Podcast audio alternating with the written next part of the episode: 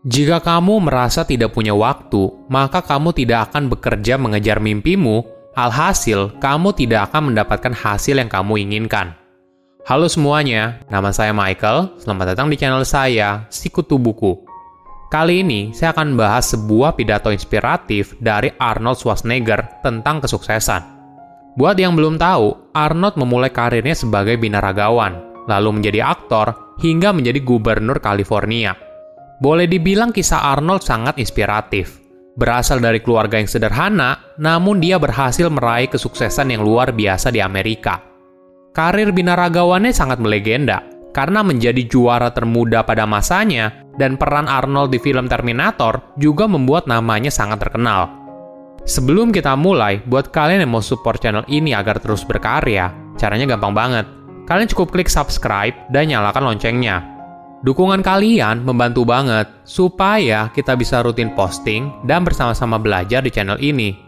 Arnold Schwarzenegger lahir di Austria pada tahun 1947. Bagi dia, ada beberapa aturan dasar yang dapat membantu seseorang untuk sukses.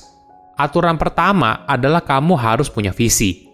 Jika kamu tidak punya visi ke mana kamu ingin melangkah atau kamu tidak punya tujuan, maka kamu akan terombang-ambing dan tidak akan ke mana pun.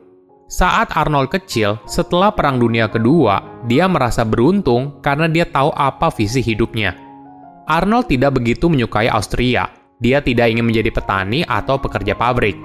Walaupun orang tuanya ingin agar dia bisa tinggal di Austria dan memiliki kehidupan normal di sana, namun itu adalah visi orang tuanya, bukan visi dirinya sendiri.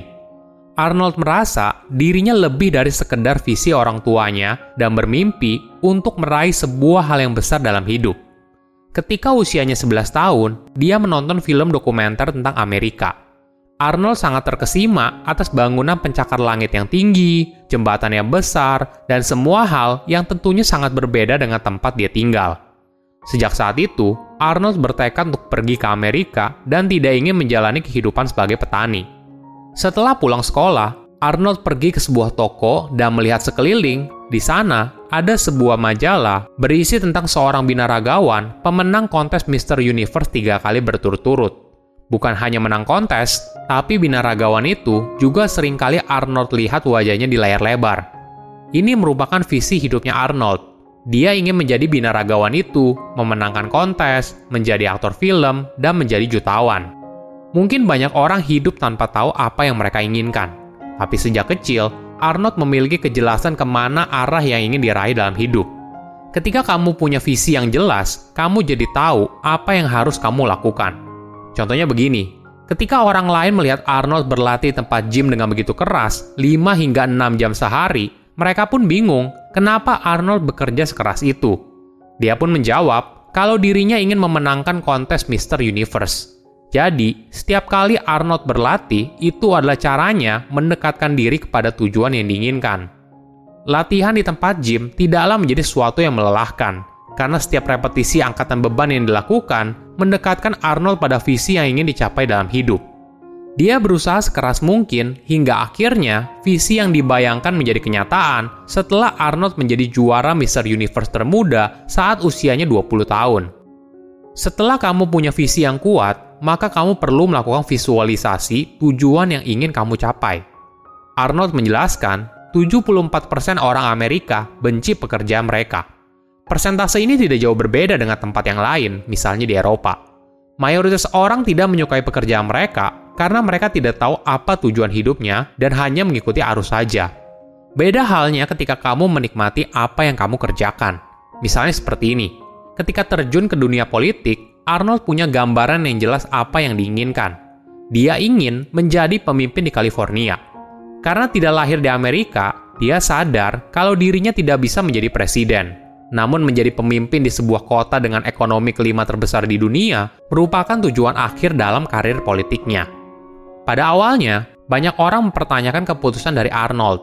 Mereka merasa Kenapa dia tidak mencoba untuk mencalonkan diri di negara bagian yang lebih kecil dulu agar potensi menangnya lebih besar? Namun, Arnold tidak melakukannya. Dia punya visi yang jelas apa yang dia inginkan dan akhirnya menjadi gubernur California. Aturan kedua yaitu jangan terlalu banyak dengarkan orang lain. Setiap kali Arnold punya tujuan yang besar, pasti banyak orang yang menentang. Mereka merasa mimpinya terlalu muluk, mustahil dicapai, dan berbeda dengan kebanyakan orang. Jadi, ketika ada orang yang bilang kalau Arnold tidak bisa, dia malah yakin kalau itu bisa.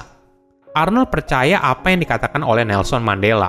Semua selalu tidak mungkin, sampai ada seorang yang mampu melakukan hal tersebut dengan sangat baik. Arnold merasa itu adalah dirinya. Dirinya akan membuktikan kalau hal tersebut bisa menjadi kenyataan. Sama halnya ketika Arnold bilang ingin pergi ke Amerika. Orang di sekitarnya bilang itu adalah hal yang mustahil. Dia juga tidak punya uang untuk terbang ke sana. Pasti banyak binaragawan lain yang lebih baik dari Arnold. Namun, semua itu tidak membuat dirinya berhenti. Arnold membuktikan kalau dirinya mampu hidup sesuai dengan visi awal yang pernah dibayangkan. Hingga akhirnya, dia mampu menjuarai ajang kontes binaragawan internasional sebanyak 13 kali. Jika dia sibuk mendengarkan apa kata orang lain, maka Arnold tidak akan bisa sesukses sekarang. Tentu saja, perjalanannya tidak selalu mulus. Arnold pernah menjadi aktor dalam sebuah film berjudul Hercules dan gagal total. Banyak orang merasa tubuh kekar Arnold dan aksennya sulit diterima oleh penonton Amerika. Namun, hal ini tidak mengecilkan hatinya. Dia masih ingat visinya kalau dia ingin menjadi aktor yang sukses. Hingga datang sebuah kesempatan untuk memerankan Conan the Barbarian. Tubuh kekarnya justru menjadi sebuah keunikan tersendiri dan akhirnya film itu sukses di pasaran. Sama halnya dengan film Terminator. Aksen Arnold ternyata menjadi keunikan tersendiri saat dirinya memerankan tokoh itu sebagai sebuah robot.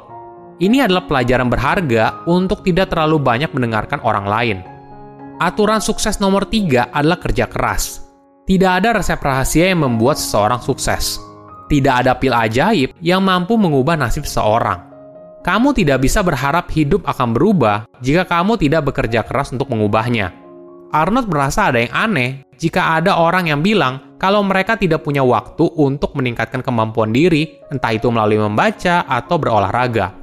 Coba bayangkan, jika kamu membaca buku sejam dalam sehari, Bayangkan berapa banyak yang telah kamu pelajari selama 365 hari. Inilah yang buat Arnold heran apabila ada orang yang bilang tidak punya waktu. Misalnya begini, kamu tidur 8 jam sehari, maka kamu masih punya 18 jam. Lalu, kamu menghabiskan waktu untuk bekerja selama 8 hingga 10 jam. Kemudian, 2 jam lagi kamu habiskan untuk pergi dan pulang ke kantor. Kamu masih punya 6 jam yang bisa kamu pergunakan untuk mencapai mimpi yang kamu inginkan. Arnold mencontohkan dirinya sendiri. Ketika dia pertama kali ke Amerika, Arnold membagi waktu untuk mengerjakan beberapa hal yang penting, mulai dari kuliah, bekerja, dan berlatih ke tempat gym. Bahkan di sela semua kesibukannya, Arnold masih harus meluangkan waktu untuk mengambil kelas acting selama empat kali seminggu dari jam 8 hingga 12 malam.